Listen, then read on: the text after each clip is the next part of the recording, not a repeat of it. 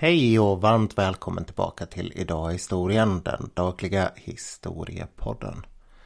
Jag heter som alltid Nils Hjort och som jag sa igår så har ju podden för tillfället en lite mer sporadisk uppdateringstakt tack vare att det är semestertider.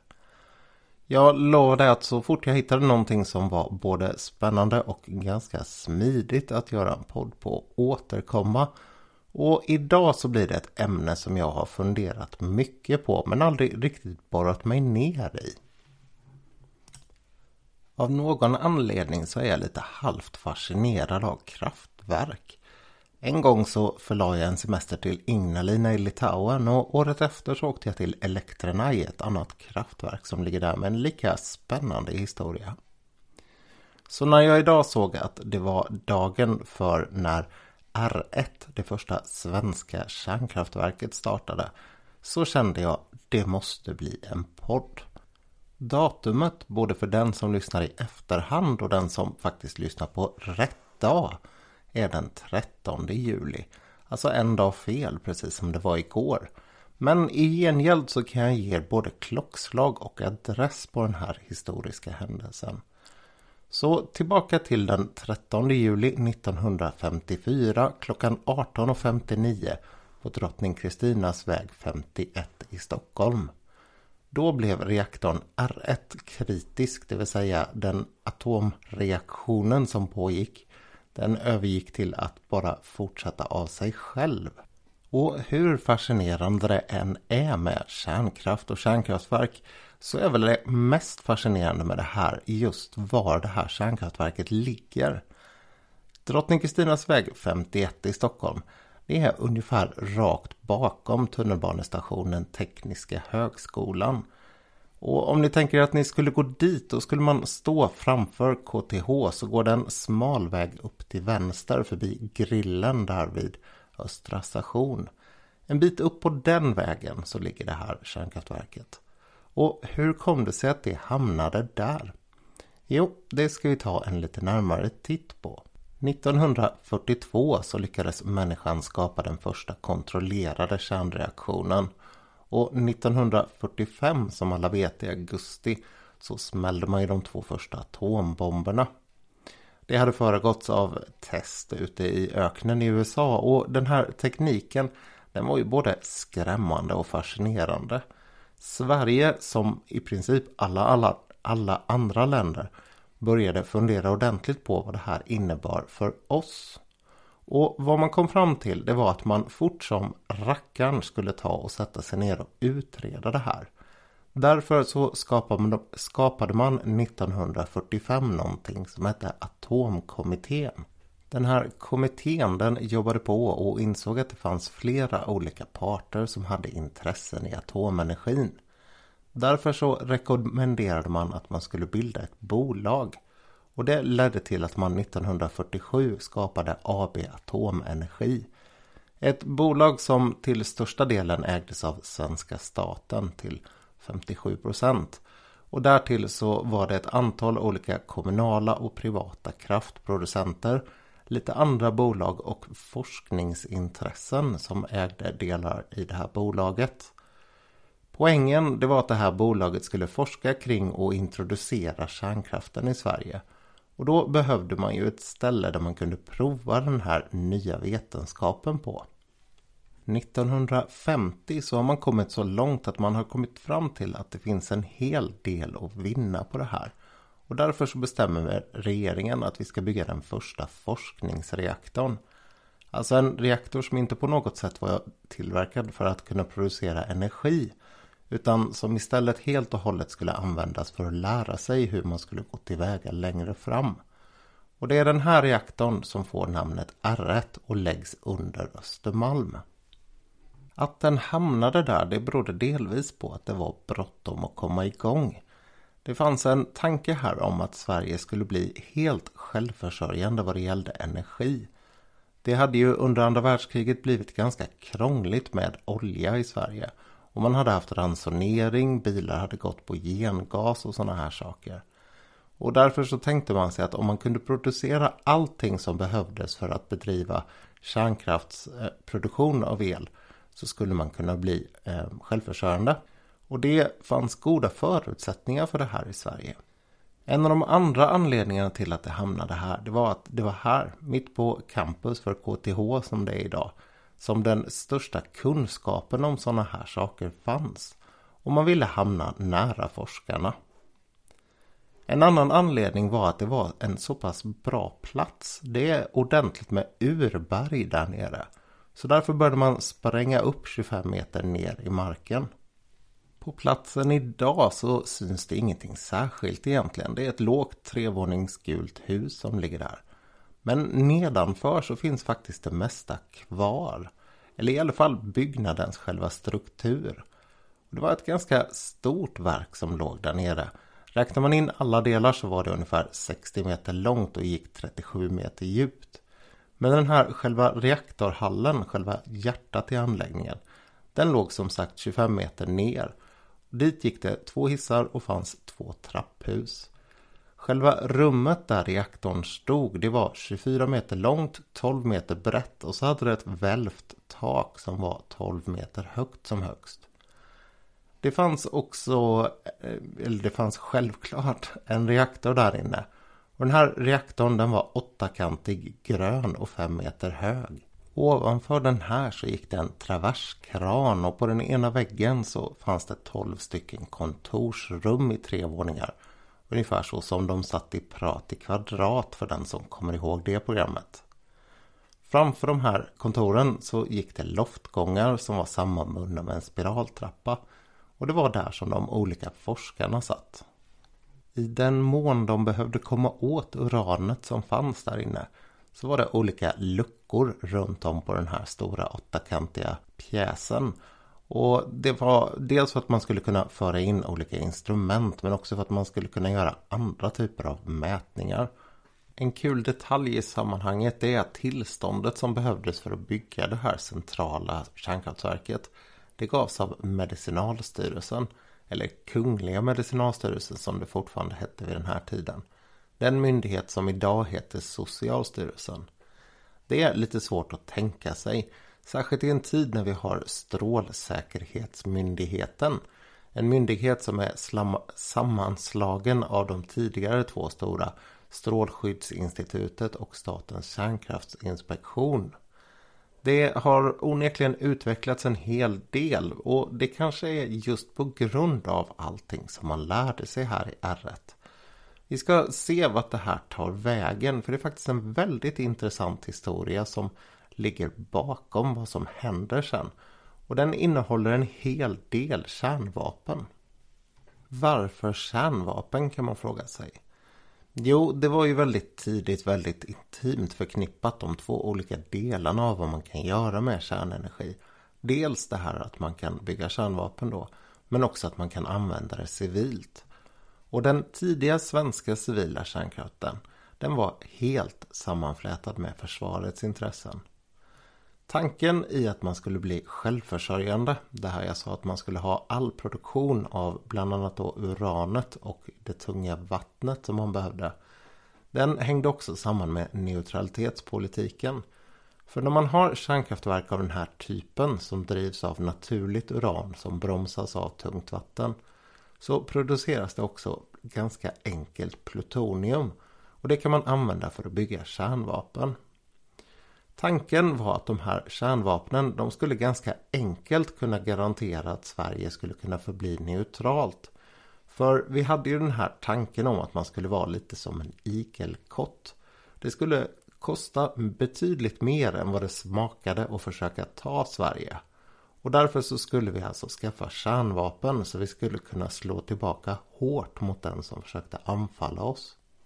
Atomenergin var alltså således här lösningen på minst två problem. Så som många saker är i någon form av så här tidig stund. Man älskar alla möjligheter som finns och nästan åksjukt så missar man att det finns en hel del baksidor också. Och de här baksidorna skulle göra att man ändrade sig. Men fortfarande en bit in på 50-talet så var Erlander, som då var statsminister, väldigt positivt inställd till att Sverige skulle skaffa egna kärnvapen. Och detsamma det gällde militären och stora delar av den andra politiska eliten eller styrelseskicket.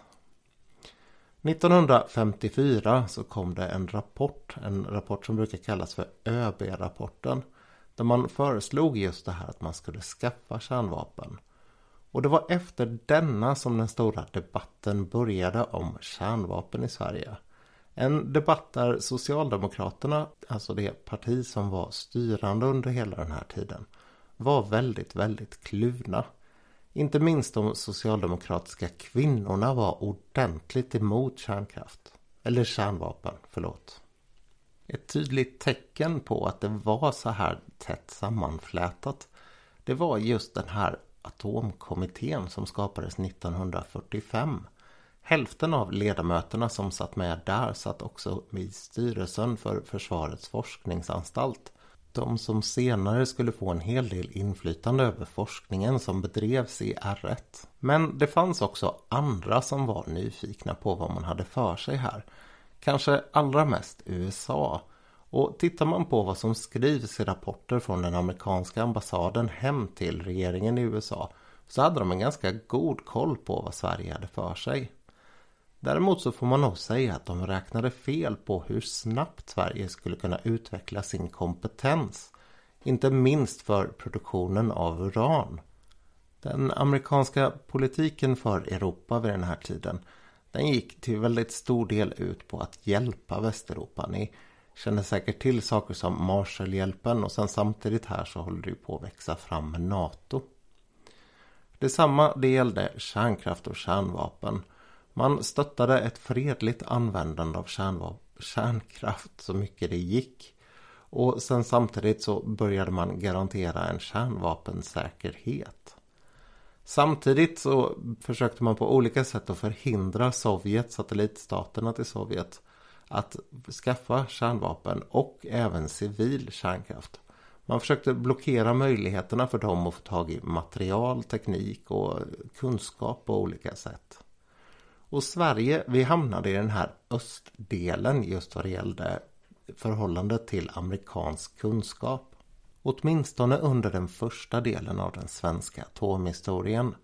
Ungefär kring tiden 1954 alltså när R1 startades så började USA byta uppfattning om hur man skulle hantera Sverige. Istället för att blockera och inte hjälpa till på något sätt så började man sakta men säkert att ge Sverige hjälp på olika sätt. Det berättas av de här ingenjörerna som jobbade nere i R1 att det kom amerikanska experter dit och hjälpte dem och förklarade saker. Och samarbetet det skulle gå betydligt längre än så. Det skulle gå så pass långt faktiskt att Sverige helt och hållet ändrade linje kring både kärnvapen och kärnenergi. Orsaken var till väldigt stor del pengar. USA kunde erbjuda betydligt billigare uran och betydligt billigare tungt vatten än vad Sverige hittills hade kommit över.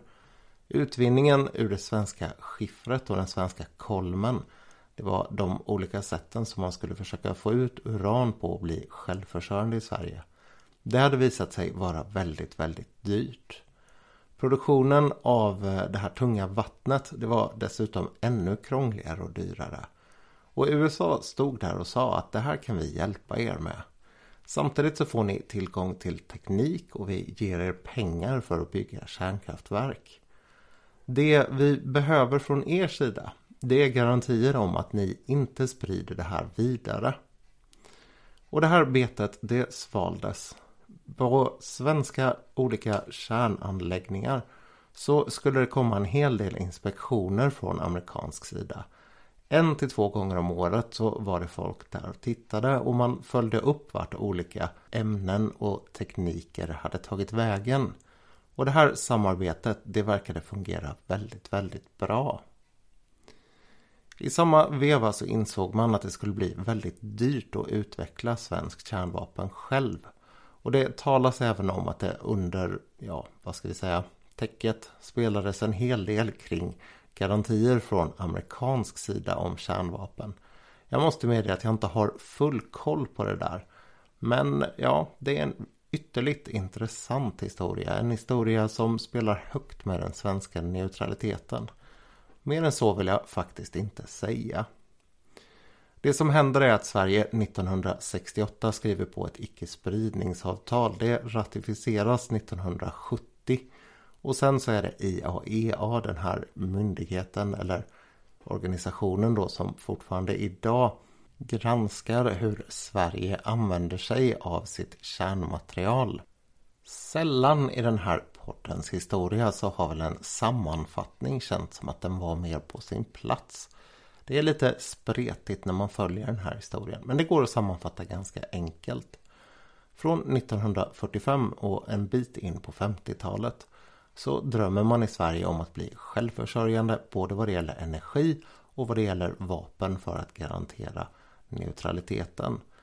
Det här det är någonting som man hoppas på att kärnvapen och kärnkraft, alltså olika atomlösningar, ska kunna erbjuda. När man inser kostnaderna för att producera allt det här, det tunga vattnet och uranet men också de olika anläggningarna så fattar man att USA när de står där med sin påse pengar, kunskap och material, dessutom även forskning, är en ganska god vän. Och då börjar man svänga över på deras håll. När man skriver under det här icke-spridningsavtalet så fogar man sig också in i en lite större världsordning där USA naturligtvis har ett väldigt, väldigt stort inflytande. Det här betyder också att kärnkraftverken som byggs i Sverige efter den här tiden, de kärnkraftverken som fortfarande idag är i bruk, de byggs med en helt annan teknik. Där har man anrikad uran som bromsas av vanligt lättvatten, inte tungt vatten. Och den här är både säkrare och dessutom svårare att tillverka plutonium genom. Så man skulle kunna säga att USA med lite sådär piska och morot lockade oss till att helt ändra det som från början kallades för den svenska linjen. Alltså den här idén om att bli självförsörjande. Så vad innebar det egentligen för R1? Det innebar kortfattat i princip att R1 inte hade någon anledning att finnas längre. 1970 så stängs det och det är flera orsaker till det. Bland annat så fanns det nyare och bättre forskningsanläggningar. Dessutom så hade R1 aldrig egentligen producerat någon som helst energi. Det fanns ingen turbin och ingen generator kopplad till den här reaktorn. Istället så bara kylde man ner all värme som den producerade och körde den rakt ut genom en 37 meter hög skorsten. Alltihopa under 16 år. Det som är så otroligt är vilka kostnader det var för att släppa ut all den här värmen. Det tog som sagt två år för att spränga fram hela den här anläggningen och två år för att bygga själva reaktorn efteråt. Jag tittade lite på hur man kom över de olika saker man behövde man lånade uranet från Frankrike och lovade att betala tillbaka när man själv kunde producera eget. Det tunga vattnet det var 5 ton och det köpte man från Norge. 5 ton tungt vatten det motsvarar ungefär 4 500 liter. Tungt vatten har precis som det låter en lite högre densitet än vanligt vatten. Och det här vattnet det kostade vid den här tiden uppges det ungefär 5000 kronor liten. Vilket fortfarande idag skulle vara ett skyhögt pris för någonting. Men om man översätter det här med SCBs sån här generator för vad pengar är värda. Så visar det sig istället motsvara lite drygt 74 000 kronor liten. Och om man då snabbt räknar ut vad de här 4 500 litrarna skulle kosta idag så skulle det motsvara 333,5 miljon. Och det är pengar som bokstavligt talat gick rakt ut genom en skorsten. Eller? Riktigt så enkelt var det ju naturligtvis inte. Det bedrevs som sagt en hel del forskning kring denna. Det var ju en forskningsreaktor i första hand. Och den kunskap som man kunde få ur den här reaktorn den placerade Sverige faktiskt ganska långt framme i världen vad det gällde kunskap just kring kärnkraft. Det är på flera områden faktiskt som Sverige har varit världsledande. Och fortfarande än idag är så vad det verkar. Ehm, den här Atomenergi, AB Atomenergi, det är ombildat till Studsvik. Ett företag som fortfarande har som sagt då väldigt god, gott kunskapsläge i förhållande till omvärlden. En annan sak som vanns ur det här det var ju insikten om hur man skulle hantera politiken kring detta längre fram. Och ibland så måste man ju faktiskt betala priset som kanske då skulle man kunna säga en felaktig väg innebär för att förstå vilken som är den bättre. Det är ju också någonting som är diskutabelt och egentligen en helt annan fråga. En fråga som ledde fram till kärnkraftsomröstningen i Sverige. Och det där leder tillbaka till R1. För på 1960-talet började det också riktas en hel del kritik mot var den låg. Konstigt nog kan man säga, inte tidigare än så. Och det är ytterligare då en av anledningarna till att man valde att stänga R1 jämfört med de andra anläggningar man hade för att forska på. Efter att R1 hade stängts 1970 så väntade man fram till 1982 innan man satte igång och riva. Och det här det gav ju också en hel del nya kunskaper.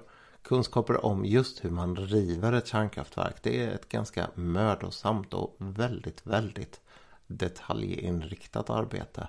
Jag minns när jag var på Ignalina hur de pratade om att det skulle ta ungefär 20 till 30 år att plocka ner hela det där kärnkraftverket. Sen så bestämde man sig för att testa den här lokalen några år senare. Då insåg man att den var fri från strålning eller strålning från en grad som skulle kunna skada människor.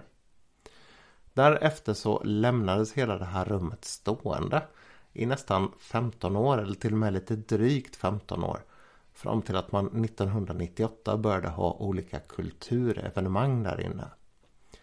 Och väldigt fort så insåg många att det här var en häftig lokal. Det ledde till att Johan Renck där regisserade videon till Nothing Really Matters med Madonna. Den här lokalen har sedan positionerat sig ordentligt som en kulturlokal i Stockholm får man säga. Det är en hel del återkommande evenemang där och det är tyvärr inte så att drömmen om att skapa ett museum där riktigt har gått i uppfyllelse än. Men det har fyllts på sakta men säkert både med fler evenemang och fler saker där inne. Bland annat så har man börjat ta tillbaka en del av de gamla saker som fanns där när den var i drift. Och dessutom så har man tagit dit en stor orgel. En orgel som på 1920-talet sattes i Skandia-biografen i Stockholm. Den här biografen som också gav oss de fantastiskt vackra Skandia-lamporna. Den här orgeln den flyttades från biografen till Stadshuset för Stadshuset de renoverade sin orgel. Och när det var färdigt då tog man den gamla Skandia-orgeln och plockade ner den i delar och ställde den på vinden. Efter 40 år så var det någon som kom på det där och frågade om vi inte kunde få sätta den inne i R1-reaktorns rum. Och det tyckte man var en alldeles fantastisk idé. Så 2015 så var den på plats där och den är en ingående del i det här kulturlivet som är där. Med allt det här sagt så ser jag att det bara återstår en liten punkt på min dåligt nedkluddade manuslapp här. En liten detalj som jag egentligen skulle ha nämnt tidigare, nämligen hur kraftig den här reaktorn var. Jämfört med moderna kärnkraftverk så var den självklart inte särskilt kraftig. När den började så producerade den 300 kilowatt. Och när den stängdes av 1970 så producerade den en megawatt. Det ska jämföras med Forsmark som 2018 producerade 3250 megawatt. Den andra lilla saken jag skulle säga det var att det här läget på Drottning Kristinas väg det är faktiskt precis runt hörnet från min bästa kompis.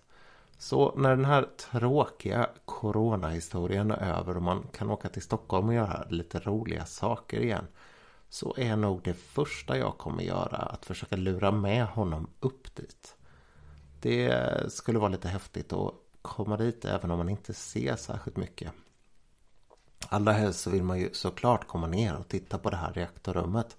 Sök gärna på bilder. Man har ritat ut en hel del märkliga figurer, en massa numrerade rutor. Ehm, för att kunna mäta strålningen när man plockade ner allting. Det gör att det får ett ganska häftigt utseende där inne. Så med allt detta sagt också så återstår bara för mig att säga tack och hej. Jag hoppas att det var ett intressant avsnitt och att allting är bra med er. Hej hej!